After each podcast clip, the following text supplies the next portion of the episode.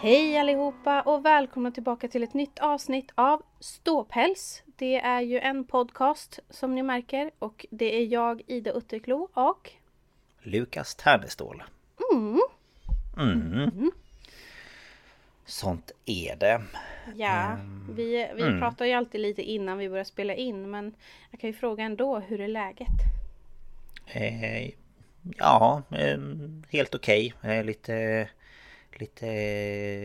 Eh, magen eh, krånglar lite. Mm.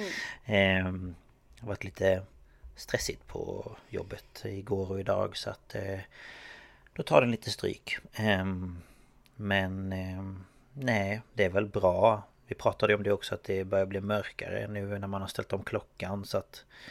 Det är liksom mörkt ute redan och det känns så fel. Eller Mm. jag vet inte.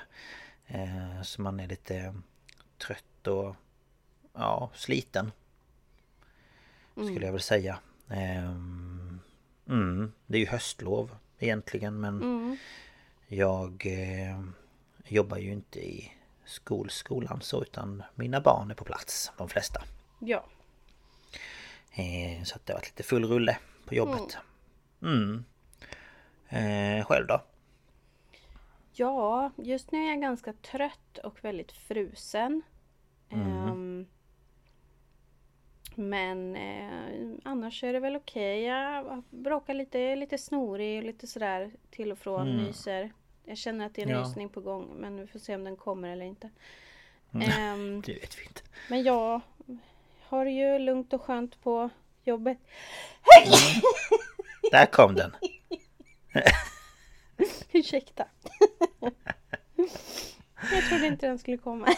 Den bara Nu jävlar ska vi ut! Gud, jag hoppas inte någon blev döv där. Jag får sänka volymen på den lilla biten. Ja. Eh, nej men jag har det ju lugnt och skönt i vanlig ordning. Mm. Eh, det är ju lugnt och skönt jämt. Men eh, det är några Ja. som jobbar hemifrån eller tar ut kompledigt för att vara med barnen och sådär. Ja, det kan jag tänka mig. Men eh, idag hade jag ju Ja. första uppföljningsmötet med eh, min vägledare då från arbetsmarknadsenheten och med eh, Det var då Han som på pappret är min handledare men som jag inte har börjat jobba med än.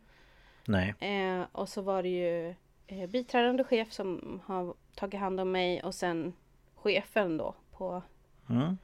på AFU. Eh, Mm. Och det gick jättebra.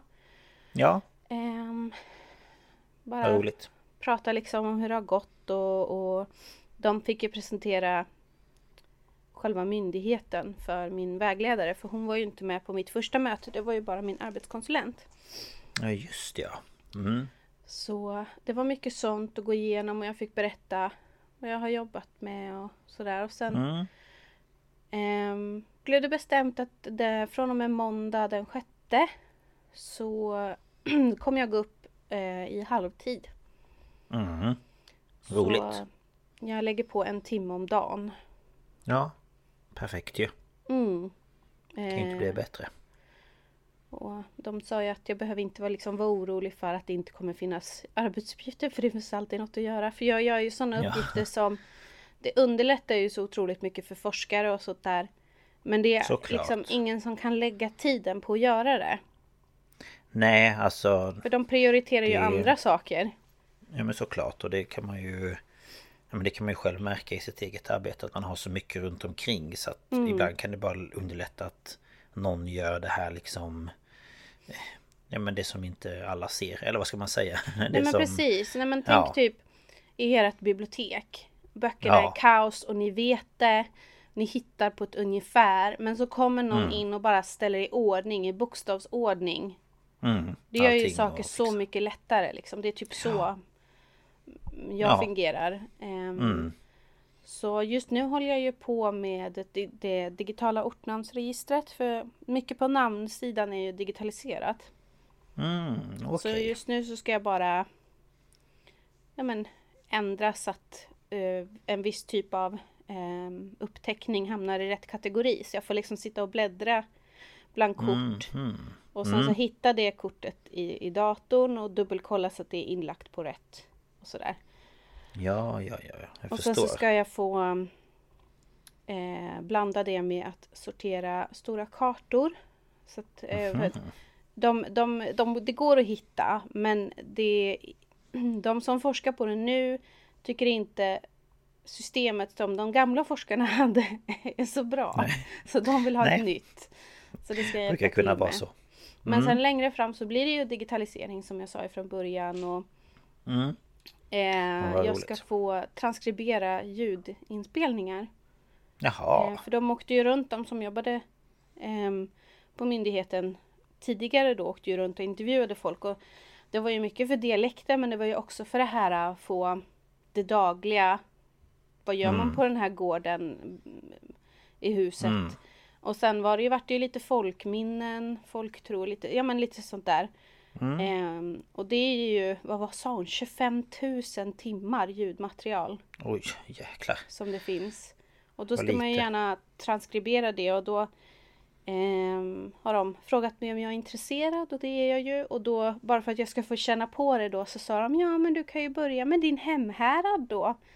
Mm. Så då, då ligger Örbyhus härad som jag tillhör högt upp på listan. Ja. Så det kommer jag ju också få jobba med. Så att det är liksom, och sen finns det ju ännu mer. Men det är liksom, mm. de säger att ja men det finns och jag kan variera och, och sådär. Mm. Så att, Ja men det låter väl jätteroligt. Du ja. kan ju ta dig an eh, min eh, hemort också. Mm. Mm. Om inte den är transkriberad, det vet jag inte. Nej det vet man ju inte i sig. Vem vet? mm.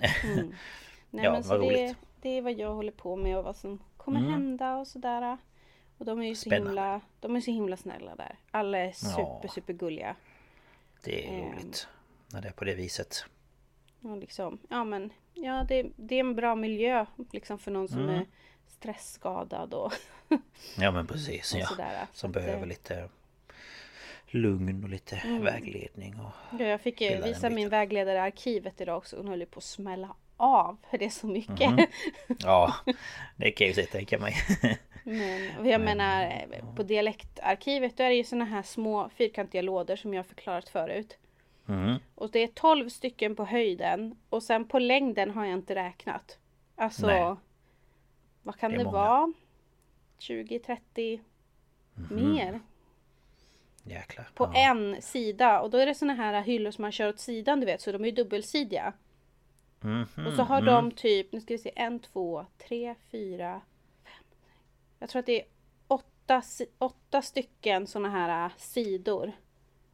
Mm. Som ja, det är mycket. dialektarkivet har. Ja. Att... ja, men det finns Och så är det bara små såna här papperslappar liksom. Mm. Ja, ja men det är jättehäftigt. Eh, att det finns så mycket om, om mm. språk och mm. dialekter och ja, allt sånt där. Det är, ja, det är ju ett så. enormt arbete och man kan ju vara tacksam att de tog beslutet att göra det. För sen har man ju liksom det var ju ett tag som man skulle inte ha dialekt. Nej, jag vet. Men sen jag tycker det, det har ju vänt. med dialekter. Ja, ja gud ja. Men det har ju vänt sen, för det har man ju sett. Bara när vi var små var inte jättemånga som hade dialekt på nyheterna. Nej, just ja. Men det har ju kommit mer och mer. Ja, ja men det märker man ju eh, att... både i nyheter och med, alltså mm. generellt att folk har dialekter. Mm. Jag tycker det är liksom det gör ju en del med alltså ens personlighet och alltså ja, en, eller ens alltså, person kan man säga. Ja, för jag tänker både min morfar och min mormor de, de arbetade ju bort sina, de var ju från Östergötland och Skåne. Mm. Och jag hörde nog aldrig min mormor liksom seriöst prata östgötska. Det var ju mest när hon skämtade. Ja, såklart. Och mamma sa typ att morfar det kom fram när han blev arg, typ. Eller trött. Ah. Ja, ja, ja. Annars så, så pratade ju inte de dialekt och det tycker jag är synd. Ja, det tycker jag också. Men det var väl en period då man skulle prata fint. Mm, det skulle vara det här standard svenska mm. som inte finns. Nej, precis. Vi har ju inget sta ingen standard svenska så. Nej, det har vi inte. Jag tänker även om man Typ som i Stockholm, där finns det ju olika sätt att prata på. Ja men Stockholm, på Stockholm är var... ju ett, ett, slag för sig. Alltså. Ja, Nej men jag tänker för att vissa säger typ att det är rikssvenskan Men det är ja, det ju nej, inte nej, nej, nej, nej, nej. För att det nej. finns ju så många olika sätt att prata i Stockholm också Åh, men alltså, och vissa stockholmska dialekter är så fula. Förlåt, Ja. men Ja men det är ju, jo vissa är inte fina det, Jag håller med Men när man ska Eh. låta lite så här, ja men jag tänker på typ sån här söderkis du vet. Ja, söderdialekt tänker jag också Jag har på typ lust att slå dem. Prata ordentligt för fan. Ja, typ Ja nej men det Det har väl sin charm det med på sätt och vis Ja, men det har det väl. Men eh, det, Man tänker sig det kan- det gamla finns- det finns säkert någon som- 80-90-talsfilmer ja, där har du ju sån riktig. mm. Men, men och det finns säkert de som tycker att det är den finaste dialekten i Sverige. Det är ju en, Ja det är en, en smaksak, smaksak. Verkligen men, Eh, men jag så gillar ju Jag gillar norrländska dialekter. De tycker jag. Mm, ja, jag tycker det kan vara fint. Jag förstår dock inte allt ju lång, längre upp man kommer. Nej, det gör nog inte Det jag väl- heller. Men det, det, Nej. det, det, det är någon, jag gillar, jag gillar norrländska dialekter. Mm, ja, men det kan vara charmigt. Jag gillar ju man typ här tänker typ- göteborgska och sånt. Ja, Det det, jag tycker tycker den, den har man skämtat så mycket med så den, den är lite Jo, svår jag att ta vet. seriöst.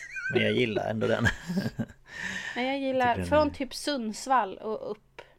Mm, Det, det gillar jag. mm. Ja, De pratar så lugnt på något vis. Så. Ja, de är ju Sen är ju lugna också. gotländska är ju mysiga. Ja, just ja. Ja, verkligen. Jag hade en kollega förut som pratade det egentligen. Men hon Mm. lärde ju bort sig den när hon var Mm. liten. För att hon skulle prata som man gjorde i Stockholm. Mm. Ehm, Så att... Ja. Ja, så är det. Det är spännande.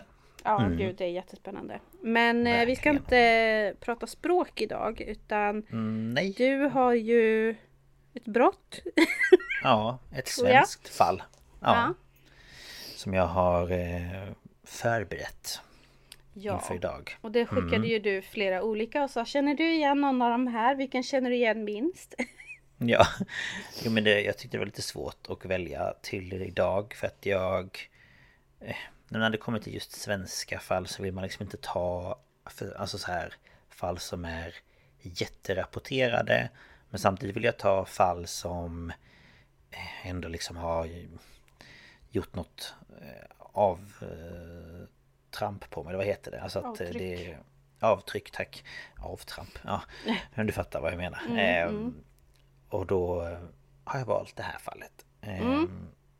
Och ehm, ja, hoppas att det ska bli intressant. Ja men det tror jag. Det kanske är sådär som det är för mig att vissa läser namnet och tänker det där, det, det, det är bekant. Och sen ju Mm. mer du, antagligen kommer det att vara så för mig, ju mer du berättar desto mer kommer jag att koppla. Förmodligen. Jag tror Ja. nog det. Men Ja, eh, så det tror jag också. vill du köra igång kanske? Ja, gärna. Men då kör vi. Ja.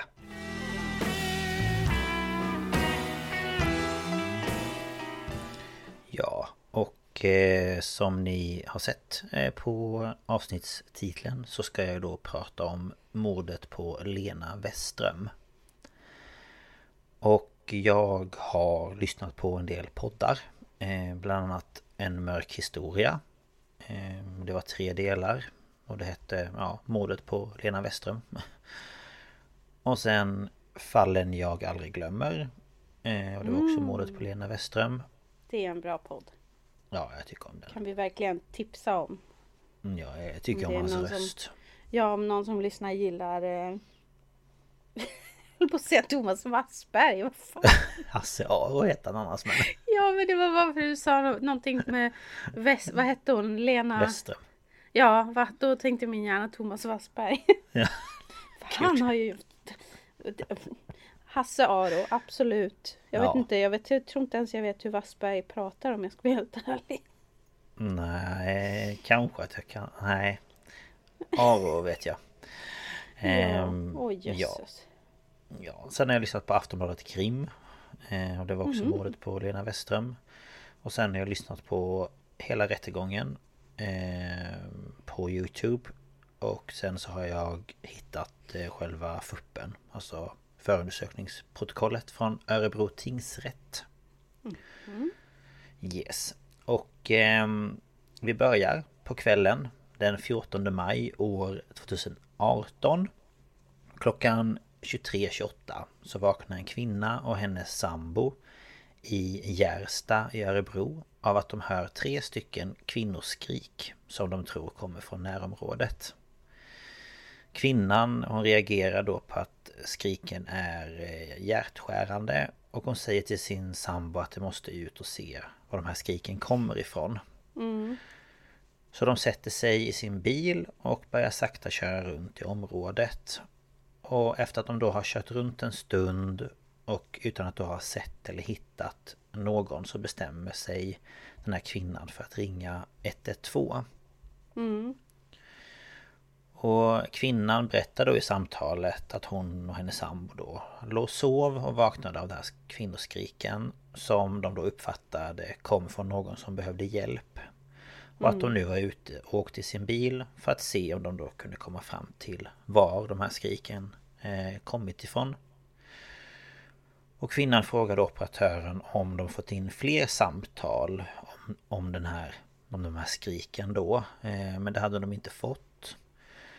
Eh, operatören säger då att eh, de ska kontakta polisen eh, så att de då skulle kunna ha, ha lite koll på eh, området.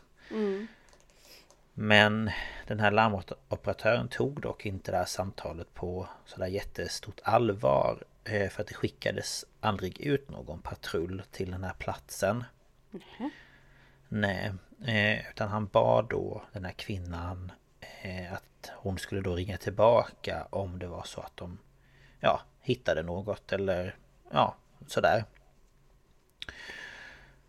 Och tidigt eh, på morgonen dagen efter alltså den 15 maj eh, hemma hos 45-åriga Lena Westström så fyllde hennes yngsta son år. Och Lenas exman tillsammans med deras två äldsta barn hade planerat att de skulle komma över till Lenas bostad tidigt på morgonen. Eh, redan strax efter klockan sex. För att de då skulle uppvakta sonen med ja, tårta och presenter och sådär. Mm. Ehm, och när exmannen och eh, de två barnen kom fram till Lenas bostad så upptäckte de att ytterdörren den stod på glänt. Och de gick då in i, eh, menar, i huset då och eh, där kunde de då se att det låg presenter på köksbänken. Eh, några som då redan var inslagna. Och sen var det ett paket som liksom ja, men var påbörjat men det var som att någon bara hade liksom lämnat paketet i all hast och mm. ja, det bara låg där liksom. Och exmannen då och de här två barnen de sökte igenom huset och förstod snart att Lena var inte där. Och de såg inga tecken på att något skulle ha hänt eh, Lena i själva bostaden. Eh, utan det som de liksom reagerade på det var just att den här ytterdörren stod på glänt. Och eh, då de inte hittade henne så bestämde de sig för att gå upp och väcka sonen då som låg och sov och som fyllde år. Och då så kom alla de här tre syskonen eh, på en person som de då trodde kunde veta vad Lena var och det här var då en man vid namn Stefan Davidsson. Som Lena umgåtts mycket med. Och som det då senare skulle visa sig att Lena haft en hemlig kärleksrelation med. Mm. Så strax före sju på morgonen så ringer den äldsta sonen till Stefan och frågar om han vet var Lena var någonstans. Och till svar så får sonen då veta att Stefan inte heller visste var hon höll till. Så exmannen och de här tre barnen eh, lämnade sedan Lenas bostad och eh, gick hem till honom. Och eh, vad ska man säga? Lena och exmannen och den här Stefan de bodde alla väldigt nära varandra. Mm. Ehm, och väl hemma då så eh, ringde eh, exmannen till Lenas telefon eh, för att se om hon skulle svara. Men hon kom, eller men han kom då direkt till röstbrevlådan. Så han blev väldigt orolig och ringde till 112. Och polisen då som han pratade med ringde till olika sjukhus för att kontrollera så att hon inte ja, men kommit in akut under natten. Att det hade liksom hänt någon något, eh, alltså, något vad heter det? Sjukdomsfall. Mm. Ehm, och efter ytterligare en halvtimme så ringde en annan polis upp då till exmannen och frågade om han lyckats få tag på henne. Vilket han då inte gjort. Och han berättade då att det var helt osannolikt att Lena då skulle ha försvunnit självmant samma dag som de då skulle fira den här sonen. Mm. Och det var heller ingen hos polisen vid den här tiden som gjorde någon koppling till då att de inte hittade Lena och de här kvinnoskriken som hade hörts kvällen innan. Och strax innan klockan 12 samma dag så hade Lena inte dykt upp på jobbet och polisen bestämde sig då för att inleda en förundersökning gällande människorov. Och eh, dagarna som följde då Lenas försvinnande var det väldigt många som engagerade sig för att leta efter henne. Och det var både polisen med sina sökhundar, eh, Missing People och ja, alltså andra frivilliga privatpersoner. Men det var dock ingen som varken hittade Lena eller några spår ifrån henne. Liksom inga klädesplagg eller eh, ja, men någonting liksom så som man mm. skulle kunna ha tappat. Och det var inte förrän den 19 maj som några privatpersoner hittade en kropp bakom ett bullerplank i Nya Gärsta i Örebro. Och det här var då mindre än 100 meter från Lenas hem. Och i det här läget så kunde inte polisen bekräfta den här identiteten på den här kroppen som de då hade hittat.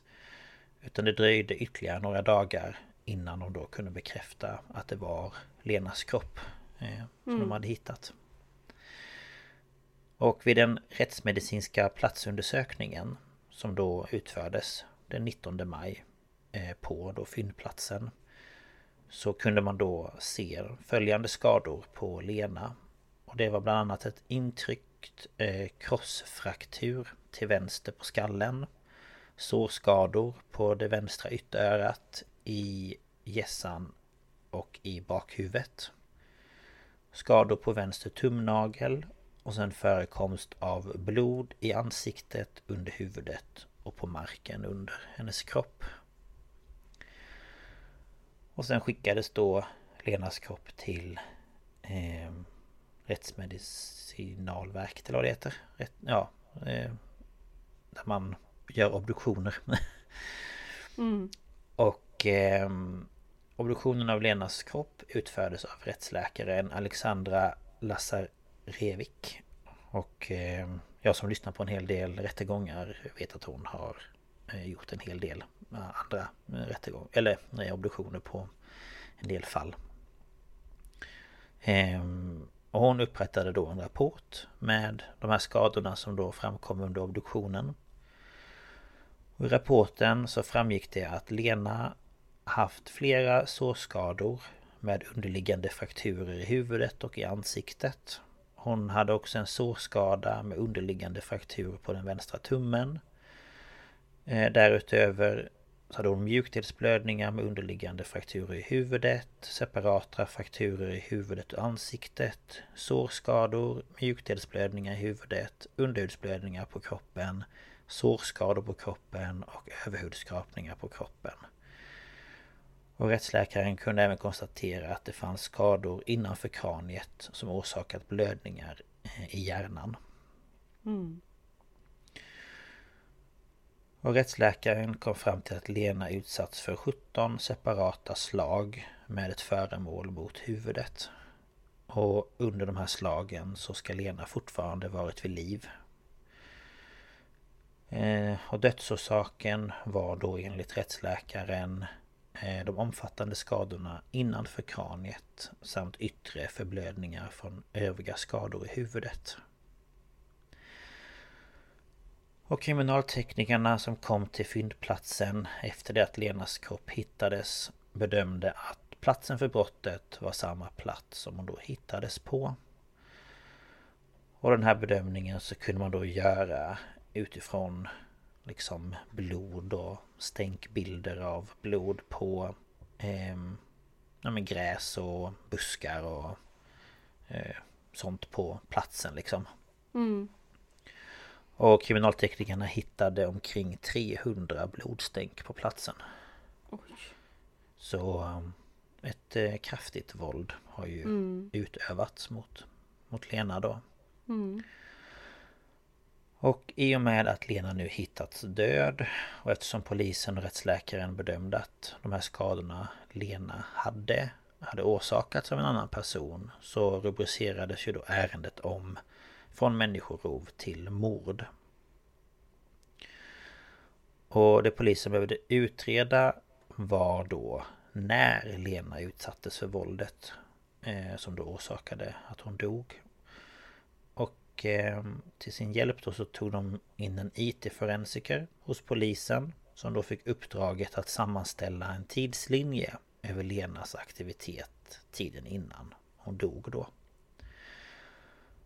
Och då Lenas telefon aldrig har återfunnits så fick man med hjälp av information från hennes eh, Google-konto som då synkroniserades med hennes telefon eh, fram platsinformation kring de här områden som Lenas telefon hade befunnit sig kvällen den 14 maj. Och utifrån IT-forensikerns undersökning så framkom det att Lenas mobiltelefon lämnade hennes bostad cirka klockan 23.23 .23 den 14 maj. Och att mobiltelefonen från klockan 23.25 befann sig stilla vid området nära fyndplatsen. Mobiltelefonen var sedan på samma plats i cirka 11 minuter fram till klockan 23.36. Och därefter så registrerades den sista platsinformationspunkten klockan 23.38. Och det här var då precis utanför området för den här fyndplatsen. Och det här talade ju då starkt för att Lena lämnade sin bostad med sin mobiltelefon och att hon då befann sig i området runt fyndplatsen i cirka 11 minuter. Och som jag då tog upp i början så ringde då ett vittne polisen vid 23.47 För att de hade då hört här kvinnoskriket mm. Och det här var då någon gång mellan 23.28 och 23.35 mm. Och mot bakgrund då av platsinformationen från telefonen Tillsammans då med kvinnan och hennes sambos vittnesuppgifter Så var det då ställt utom rimligt tvivel att Lena utsattes för våldet någon gång under tiden mellan 23.25 och 23.36. Mm. Och därefter ska hon då ha avlidit inom någon timme. Så att hon har ju liksom förblödit helt enkelt. Mm. Ehm, och det här stämmer då även överens med den här tidslinjen över de digitala aktiviteterna. För där kan man också se att hon inte skickade några meddelanden på sociala medier efter det att hon lämnade eh, bostaden. Och det utredningen också visade var att Lena under kvällen den 14 maj chattat med flera personer. Och i en av konversationerna kan man få uppfattningen att Lena då och Stefan bestämde träff under den här kvällen. Men han har dock senare berättat att de aldrig träffades eh, den här kvällen.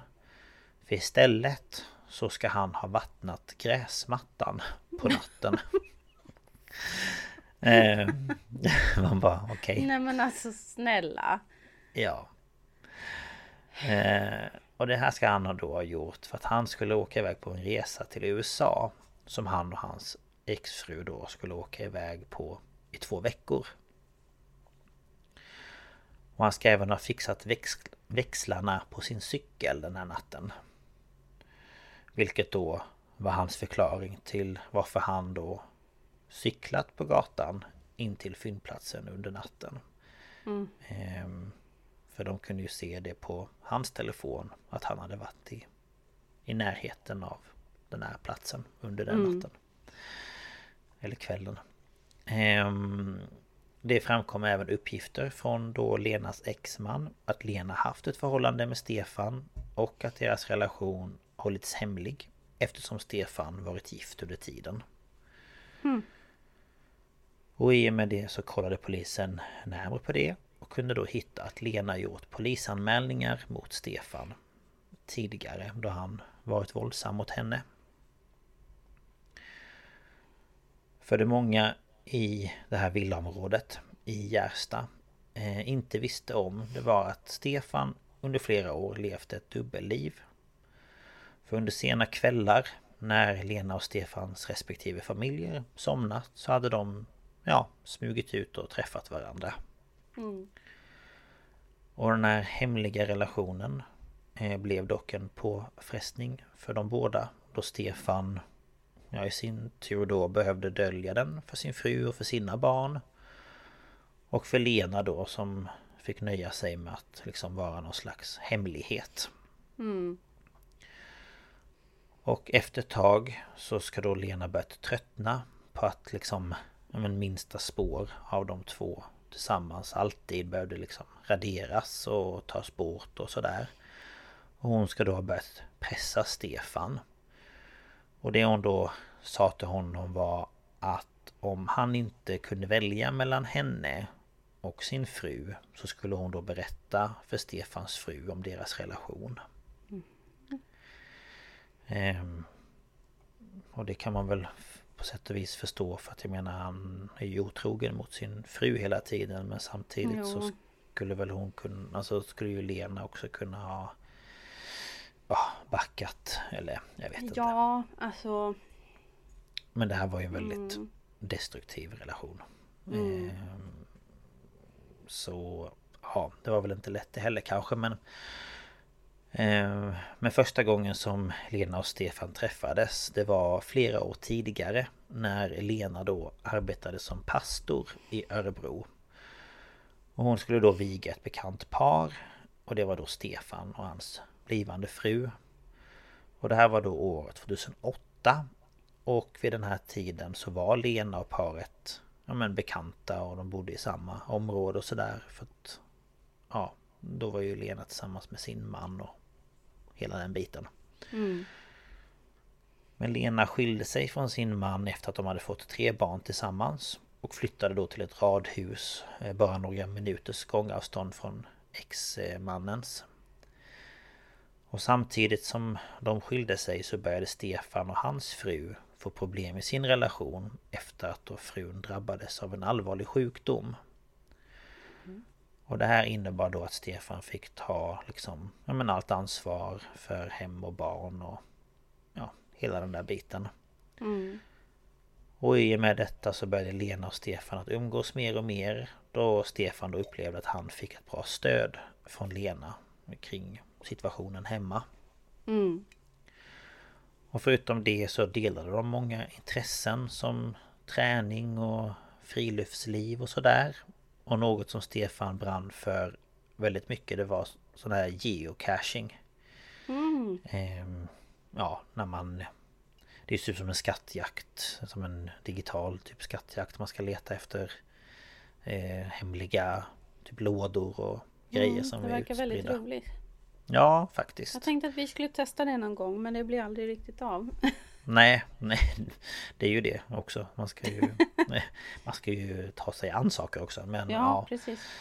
Nej men så han tyckte det var väldigt, väldigt roligt. Ehm, och i december 2011 så följde Lena för första gången med ut på en runda. Ehm, och skulle... Ja, göra lite geocaching tillsammans med två mm. andra vänner. Men efter ett tag så började dock eh, Lena och Stefans vänskap sakta men säkert utvecklas till något annat. Och de började skicka flöttiga meddelanden till varandra och ja, men kom upp med fler och fler ursäkter för att då kunna ses. Och till slut så tog de steget och inledde en intim kärleksaffär bakom ryggen då på Stefans fru. Och efter en tid alltså, så jag, började... jag förstår ju det. Alltså han är känslosamt eh, skör. Och... Mm. Men det, det känns bara så jävla douchigt. Ja men gud ja. Det är inte som att du liksom är att din fru är outhärdlig. Nej precis. På det sättet alltså att hon är elak eller hon visar Hon ingen kärlek. Hon är sjuk. sjuk. Ja jag vet. Det är liksom Istället för att vara hemma och ta hand om din fru och dina barn så går du Och iväg och... liksom. Ja, Men det är väl det och- där, de, de känner väl att deras känslor glöms bort då. Alltså jag förstår ju. men jag Ja, tycker men samtidigt att det är så och fruktansvärt douchigt. Ja men precis. Nej, men, ja, Ja men det blir väldigt bara- eh, fel. Alltså jag tycker också Mm. att det är så här. Men just hon är allvarligt sjuk och nej jag tycker... Ja det är så jobbigt hemma för min fru är sjuk. Man bara... Ja, man Ja, jag bara, tror inte hon okej. har jättekul hon heller om jag ska vara helt ärlig. Nej, det tror inte jag heller. Verkligen inte. Ehm, ja, nej men så att de... De eh, ja, men inleder ju då den här aff- affären liksom. Mm. Och ehm, efter en tid så började Lenas omgivning lägga märke till att hon förändrades. Och eh, de upplevde att hon blev väldigt fixerad av den här relationen till Stefan och att den liksom styrde hela hennes liv. Och ehm, Ja, alltså det här är ingen som har sagt det i något avsnitt eller i, i någon rättegång eller någonting Men jag får lite vibbarna av att Lena var liksom, hade svårt för när folk lämnade henne Mm. eh, Lite, menar så här typ eh, borderline eh, Väldigt fixerad Ja, vid folk eller- och Eller bara den här att man konstant vill ha bekräftelse. bekräftelse och när man Ja. får det så vill man inte släppa det. Även fast det är dåligt liksom. Och det var exakt så hon var Det var jättemånga Mm. som sa att hon var så Mm. Så att hon blev ju liksom väldigt fixerad av den här relationen och Allt som liksom uppgav hennes tid var ju liksom ja, men Stefan och deras stunder tillsammans liksom Mm. Men det är ju dock även nu som den här relationen börjar utvecklas till något destruktivt. Eh, För sent en kväll, två år innan Lenas försvinnande, så satt Lena och Stefan i hans bil. Och i bilen så diskuterade de då Stefans beteende och att han då levde det här dubbellivet. Mm. Och under samtalet så uppstod någon form av tumult. Och det här, ja om man lyssnar på eh, en mörk historia så finns det här liksom ett ljudklipp som Lena har spelat in under tiden som de pratar i bilen. Eh, Så man hör liksom att det är någonting som liksom eh, med jackor som prasslar mot varandra och lite Mm. sådär. Och enligt Lena då så ska Stefan tagit tag om hennes nacke och tryckt ner hennes huvud liksom framåt mot ja, men instrumentbrädan. Samtidigt som han då ska ha gnuggat sina knogar i hennes hårbotten. Men vad fan? Ja, eh, och Stefan menade då på att han bara försökte få ut henne ur bilen. Ehm, men att man hör liksom att eh, hon öppnar dörren och säger typ hej då vi ses imorgon för att försöka spela liksom lite så här. Det här var väl, ja men Mm. att det inte, vad ska man säga, eh, blev jobbigt för henne utan hon var väl så här, hej då vi ses imorgon och så försökte hon stänga dörren och då ska han ha följt efter henne och då ska hon ha tagit upp telefonen och liksom så här sagt att jag ringer polisen och bla bla bla. Mm.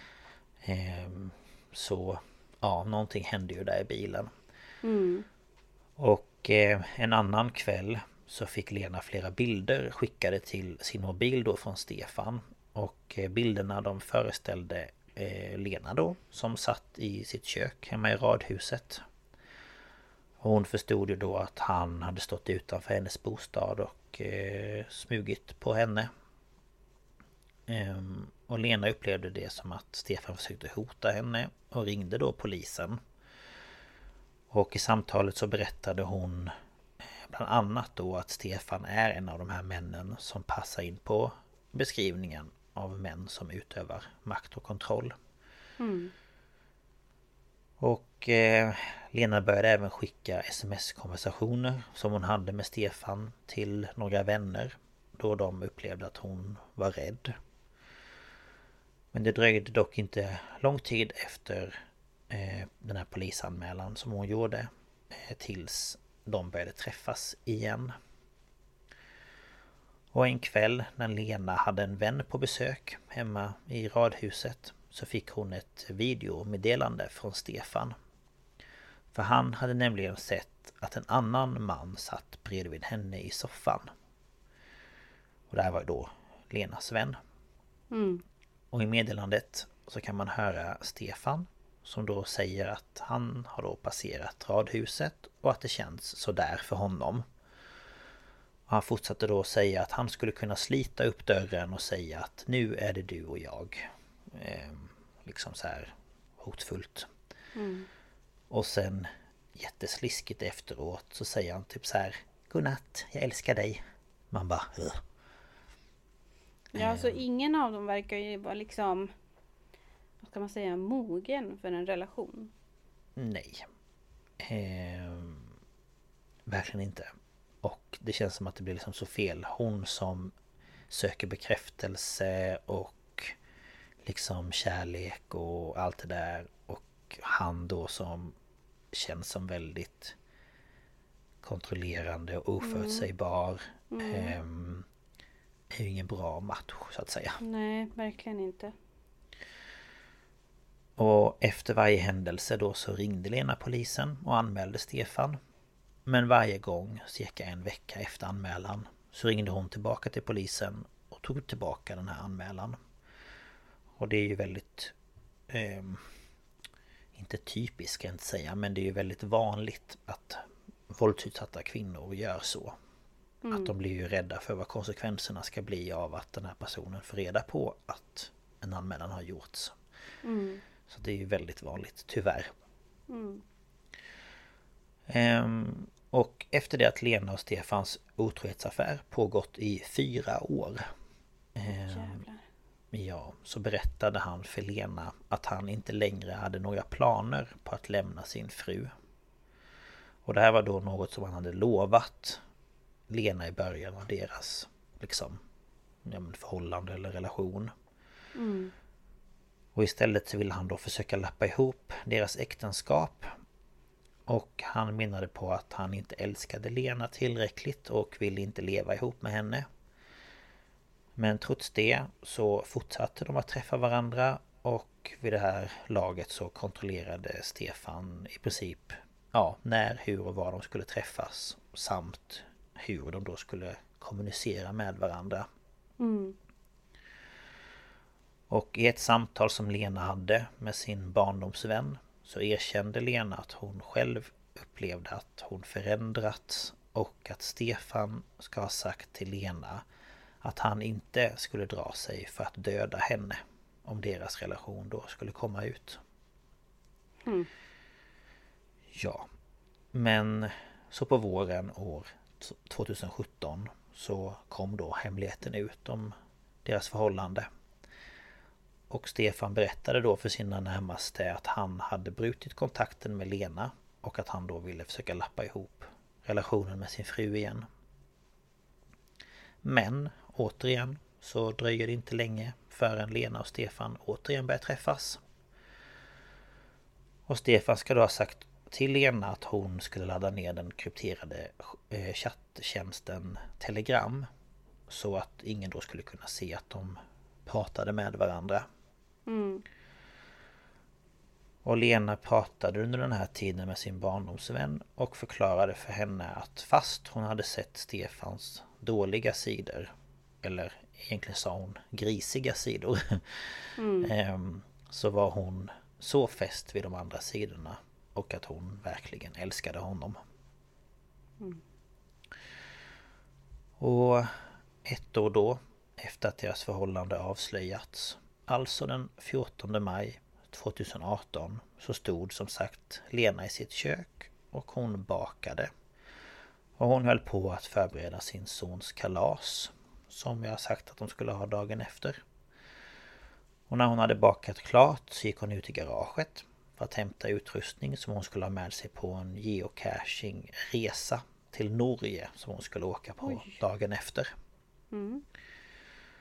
Och under tiden så plingade hennes telefon oavbrutet. Då de här vännerna då som skulle åka på den här resan höll liksom på att planera den här resan i minsta detalj och ja, chattade fram och tillbaka. Och under tiden så tog Lena en bild på kakan eh, och skickade den då till Stefan genom det här telegram. Och Lena skulle även ha skrivit att han skulle komma förbi senare om han kunde. Och efter det så ska hon ha tagit fram papper och snöre för att börja slå in sonens presenter. Stefan ska då ha svarat att han hade en hel del att göra den här kvällen. Och klockan 23.23 .23 så slutar plötsligt all aktivitet från Lenas telefon. Och de här vännerna då som hon skulle åka på resa med får aldrig några fler svar från henne. Mm. Och sen några minuter senare så inkom då det här första samtalet till polisen om de här kvinnoskriken. Mm. Och tänker innan vi fortsätter så går vi på en kort paus. Mm.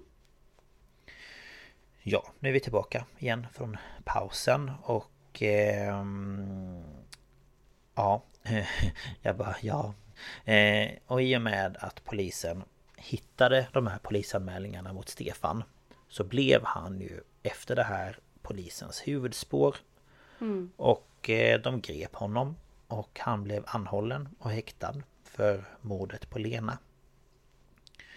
Ehm, men efter en vecka så blev han frisläppt. Eh, för att de hade väl inte hittat så mycket liksom, bevis. Men, de, men han häktades igen i slutet av augusti 2018. Och eh, efter detta så gjorde polisen en husrannsakan hemma hos honom. Där de då hittade en del spår. Och polisen ska bland annat ha hittat något som de bedömde som blod på tvättmaskinen i eh, Stefans hus då i källaren. Mm. Och de här spåren säkrade Eh, man genom topsning och skickade dem till NFC för analys. Och efter att ha analyserat de här topsen två gånger så gav en av topsen indikation på blod och där påvisades DNA.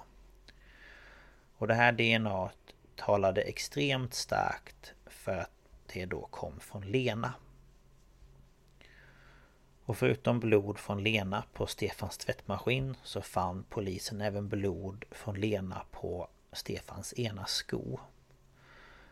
Och när han senare fick frågor kring dessa spår så menade han att det kan ha kommit från ett tidigare tillfälle då de då hade haft sex. Och då känner jag Okej, okay, hade hon mens eller mm. blödde hon? Eh, ja, jag vet inte. Um, kort senare så lämnade han en annan förklaring och menade på att bänken bredvid tvättmaskinen var till för att snickra på och att Lena kanske hade skadat sig där någon gång. Okej. Okay. Och då känner jag också, ja fast någon gång och man tvättar, alltså man torkar ju av liksom så här utsidan på tvättmaskinen ibland och man städar ju och mm. alltså, ja, jag vet inte.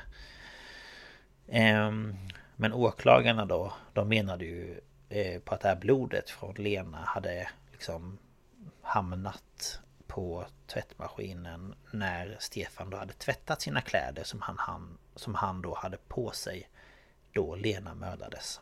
Och det är mm. därför blodet har kommit på, ja, där. Och andra spår som polisen hittade var att Stefans DNA fanns på den kjol som Lena hade på sig när hon hittades. Och hans DNA fanns även på en av hennes ringar vilket polisen misstänkte hade avsatts när hon då försökte försvara sig. Och Stefan hade även ett färskt sår på det ena smalbenet. Som polisen misstänkte kom från när han då hade rört sig i området där Lena hittades. Mm. Men dock så har eh, Stefans blod inte kunnat hittas på själva eh, ja, fyndplatsen. Mm. Och i de förhör som hölls med Stefan så uppfattades han som väldigt nonchalant. Och han ska bland annat ha småskrattat och flinat åt många av de frågor han fick. Man kan ju tycka Och- att han kanske skulle vara lite orolig. Eh, ja men precis. Men nej, han skrattar och ja, har sig. Och det här ska då förhörsledarna reagerat starkt på flera gånger. Och vid ett tillfälle så ska en av förhörsledarna höjt rösten och menat på att Stefan inte verkade förstå vad det handlade om och att han var misstänkt för mord. Ehm, för han liksom bara satt och skrattade och hade sig. Så de blev väl irriterade till slut.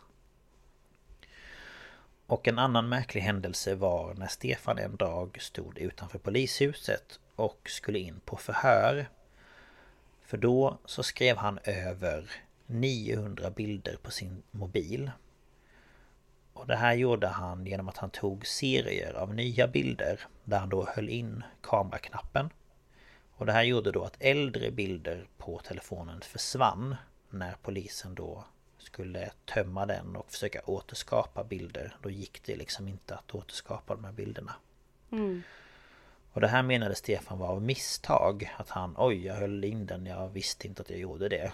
Men det här kunde åklagarna motbevisa. För att det man kunde se var att han tog en rad bilder. Sedan gick han bort från kameraappen, svarade på något meddelande som någon hade skickat. Sen gick han tillbaka in i eh, eh, alltså kameraappen och tog en rad bilder igen. Och så gjorde han så liksom fram och tillbaka flera gånger. Mm. Så han gjorde ju det medvetet. Mm. Ehm, och polisen gjorde även en genomgång av alla Lenas kontakter. Där de då tittade på meddelanden och konversationer som hon hade haft. Och de kunde då göra bedömningen att det inte fanns någon alternativ gärningsman. Utan de ja, men, kände att det var Stefan som var den skyldiga. Mm.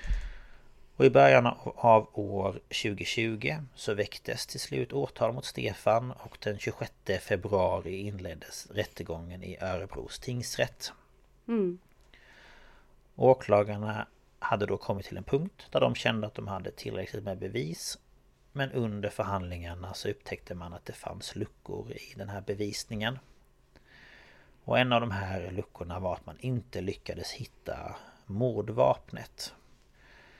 Och enligt åklagaren så användes ett tillhygge Men längre än så kom de inte i den liksom, utredningen.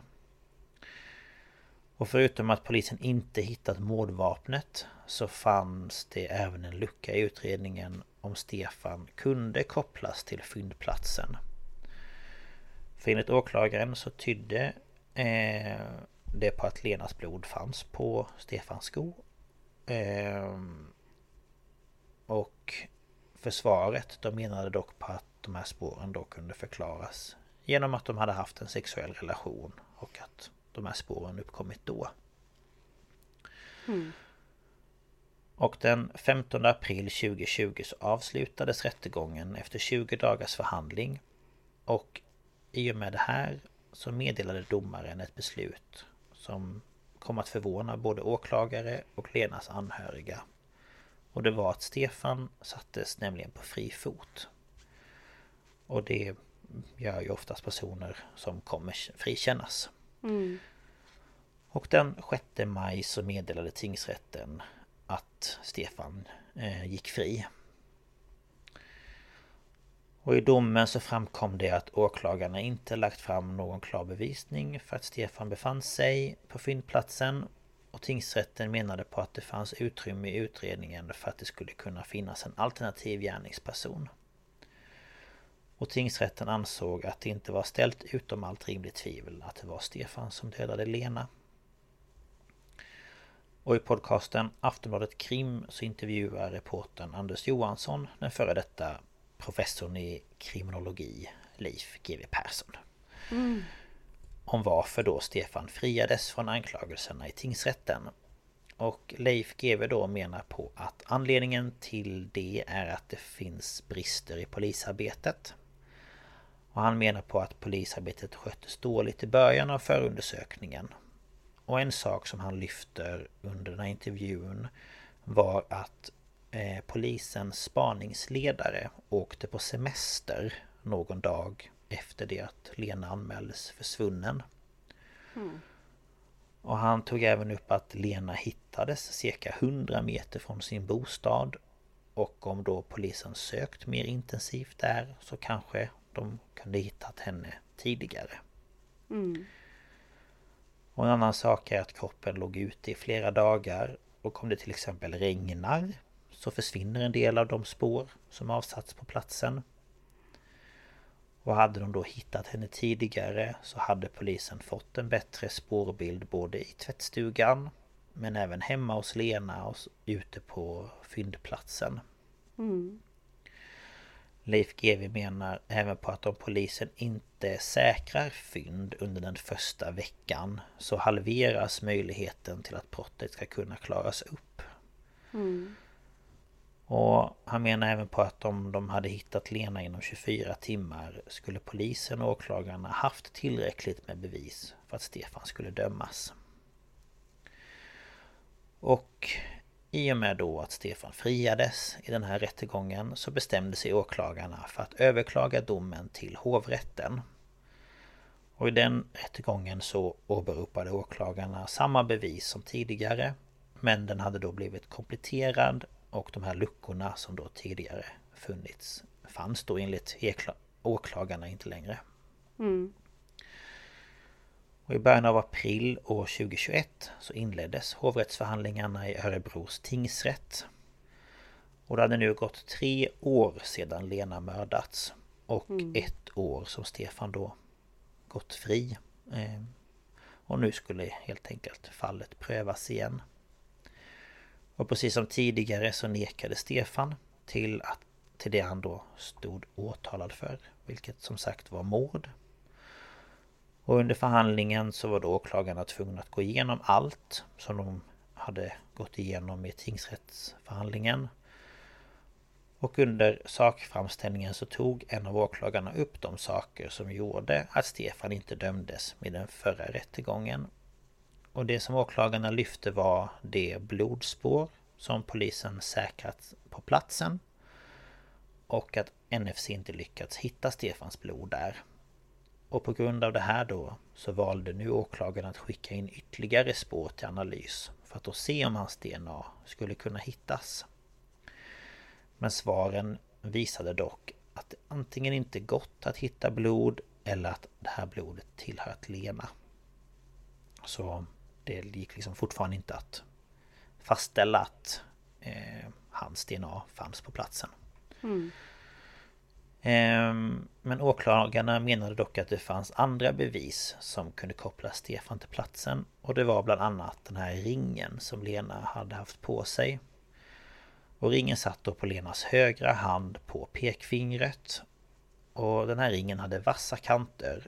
Och kriminalteknikerna tänkte redan från början att DNA från gärningsmannen kunde finnas på den här ringen. Och på ringen så fann man blod och att det här då var en blandning av två personer. Alltså att blodet kom från två mm. stycken människor. Mm. Och huvuddelen av DNA kom från Lena. Men den mindre delen gick inte att fastställa. Så åklagarna tillsammans med ansvariga på NFC beslutade sig därför för att skicka ringen till ett labb i Nederländerna. Och då, för de har då en annan metod kring fastställning av DNA. Mm. Och efter ett tag så kom analysen tillbaka. Och det man då hade prövat det var hur sannolikt det var att DNA på ringen kom från Stefan. Och det man gjort på labbet då var att man gjort två antaganden. Där det ena var då att DNA kom från Lena och Stefan. Och att det andra antagandet var att DNA eh, kom från Lena och en slumpmässig person. Mm. Och det som de kom fram till var att den blandade DNA-profilen var 12 miljoner gånger mer sannolik om påstående 1 var sant än om påstående 2 var sant. Alltså att DNA kom från både Lena och Stefan. Mm. Ja. Och i tingsrätten så hade man kommit fram till att det inte var så konstigt att det skulle finnas DNA från Stefan på ringen. Då de då hade haft en sexuell relation med varandra. Men i tingsrätten så berättade Stefan då att han träffat Lena bara några dagar innan mordet. Det här var dock då en förklaring som åklagarna nu ville komplettera. För de hade nämligen ytterligare två bevis, vilket var en övervakningskamera som fanns i Lenas eh, exmans bostad. Och det här materialet eh, var då inhämtat från den 12 maj och visade då hallen inne i den här bostaden. Och under den här dagen så höll Lena och exmannen kalas för sonen och det fanns flertalet gäster hemma i det här huset. Stefan ska dock ha berättat att det var den 11 maj som han hade den sista fysiska kontakten med Lena. Jag tänker vi kan ha det i, i åtanke när jag fortsätter mm. berätta. Den andra bilden i den nya bevisningen var en jämförelse mellan några olika bilder. Och det här var då bilder som polisen tog i Lenas hem efter det att hon försvunnit. Och även bilder som Lena hade på sin telefon. Och på bilderna från polisen kan man se ett städat kök och på diskbänken så står en upp och nervänd stekpanna och en vit skål i diskstället. Och på Lenas telefon så fanns det då en bild från den 13 maj som då föreställde det hon åt till middag den här dagen. Sedan så fanns det en bild den 14 maj klockan 18.46 som föreställde den vita skålen som innehöll en sallad. Och den skålen står alltså sedan i diskstället när polisen kommer dit. Och det åklagarna ville få ut av den här bevisningen var att Stefan påstod att han träffade Lena sista gången den 11 eller möjligtvis den 12 maj på förmiddagen. Mm. Men efter det så ska Lena haft kalas och träffat många olika människor. Hon ska även ha handdiskat den här vita skålen och tvättat händerna innan dess att hon försvann. Så att det då fanns blod från Stefan på ringen efter det att hon hittades mördad måste då ha uppkommit efter klockan 18.46 den 14 maj. Vilket innebär att det han berättar stämmer inte. Hmm.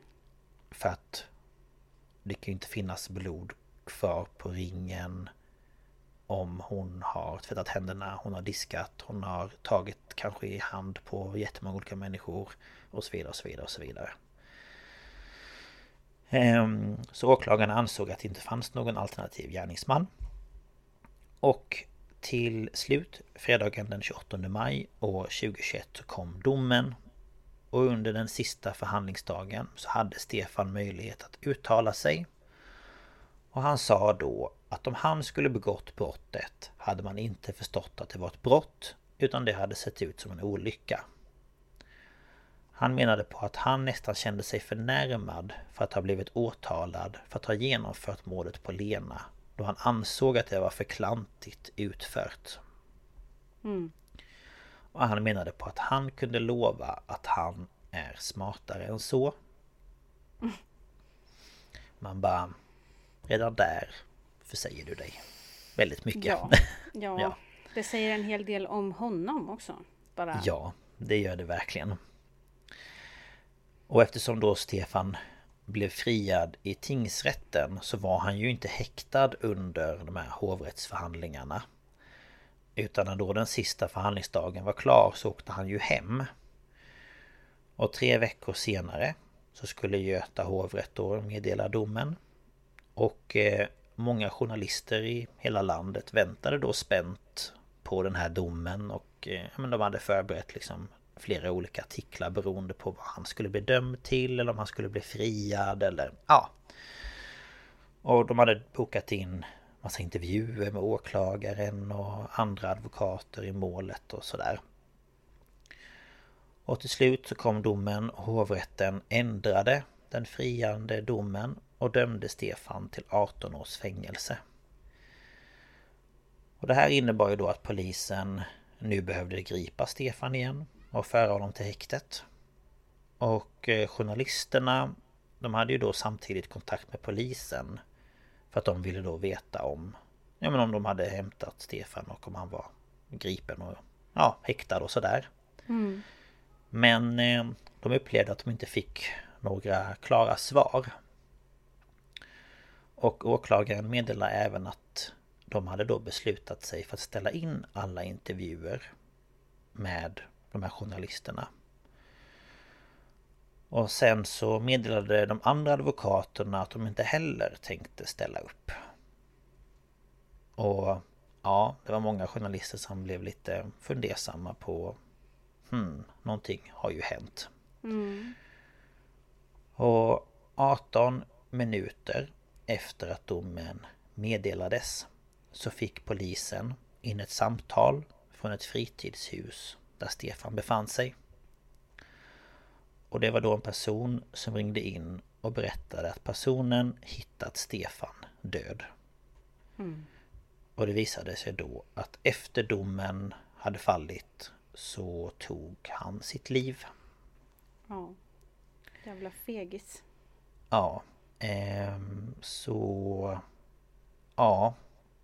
Han eh, behövde ju inte sitta i fängelse. Helt Nej. enkelt.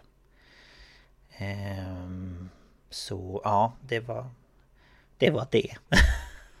ja, det var ju antiklimaktiskt om man får säga så. Verkligen. Um, och jag kommer ju så väl ihåg när jag såg det där på Aftonbladet att han hade dött. För jag har ju som sagt lyssnat på både tingsrättens, alltså tingsrättens rättegång och mm. hovrätten. Och sen så såg jag det på Aftonbladet att han hade hittats död. Och då kände jag bara mm. så här, men vad fan. Mm. Ah, nej. Och de berättar ju det också Lenas anhöriga i den här En mörk historia om att först så liksom blev det som ett gråtkalas för att han äntligen blev fälld och att de hade liksom kämpat för detta. Och sen så får de reda på att han hade liksom, ja, tagit sitt liv. Mm. Och då infann ju sig en enorm liksom besvikelse och ja. Ja, det förstår man ju verkligen. Ja, och sen samtidigt så sa då Lenas bror att efter ett tag så blev man ju även ledsen åt, alltså eftersom Stefan hade ju också, eller har ju barn som inte har gjort någonting. Eh, mm. Eh, som också har förlorat sin pappa liksom. Eh, så ja, nej. Det är... Eh, ja, inte vad man ska säga. ja, nej. Det det är fruktansvärt. Det är väl det man kan säga. Verkligen. Men det här är ett sånt här fall som ändå har berört mig. Det är lite som... Eh, vad heter hon nu? Jag har ju tagit det. Eh, hon som blev misshandlad av sin pojkvän. Eh, mm. eh, men gud, vad heter det? Men hette inte hon Helena eller Helen eller något? Var det Nej, det var inte Helen. Men gud, vad heter det? Men han som gick på steroider och det? Ja, precis. Men hette, hette inte hon något sånt? Helen? Ja, jag kommer inte på nu. Men liksom, ja, fall där kvinnor far illa. Det tycker jag är... Det är hemskt. Jag ska se om jag kan hitta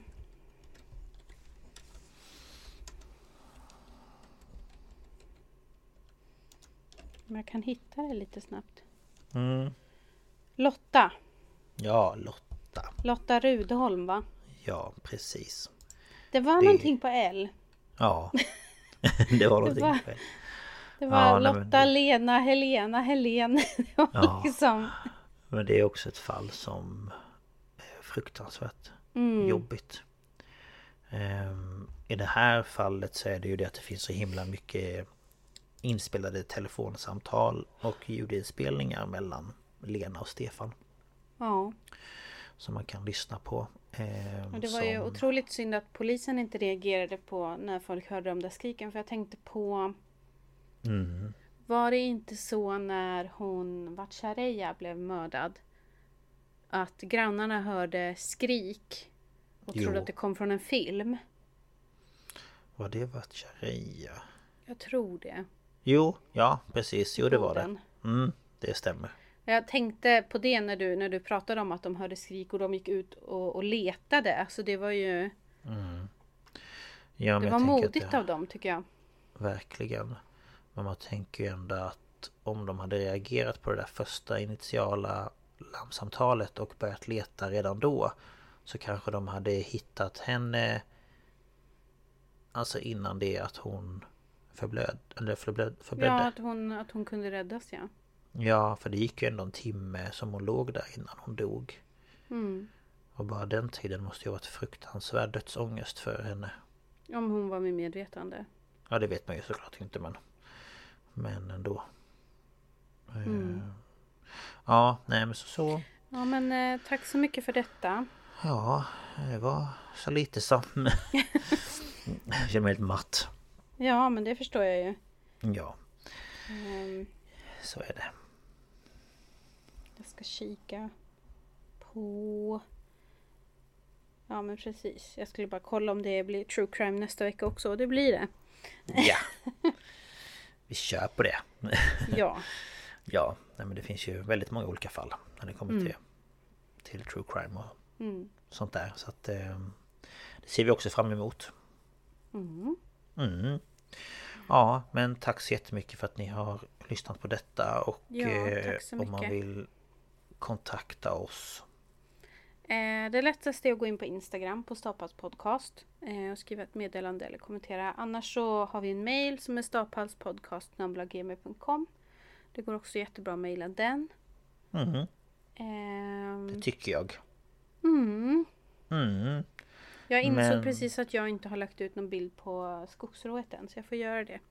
Ja, just det. Ehm. Ja, det kan du väl göra någon dag. Idag, Ja. imorgon. Ja, Idag är det alltså tisdag för er som lyssnar på torsdag. mm. precis. När det släpps. Ja, Eh, ja, nej men som sagt tack eh, för den här gången. mm. Eh, Mm. ni får ha ett, ett bra påsklov. eh, Varför vill jag säga påsklov? Jag har sagt det typ fyra gånger till kollegor också. Vad ska ni göra på påsklovet då? De bara eh, va, nu är vi lite långt fram känner jag. Det får ha, ni som har höstlov, jag vet inte om hela Sverige har samtidigt, men ni som har höstlov nu får ha ett fortsatt bra. trevligt höstlov. Mhm. Eh, och jag hoppas att alla har en trevlig halloween, för det är halloween när vi Ja. spelar in. Happy halloween! Mm. Eh, och att ni har en trevlig alla helgona. Ja, det får ni ha. Det är ju snart Så, det med. ja. Ja, Så hörs vi i november. det gör vi. Ha det bra! Ha det bra. Hej då! Hej då.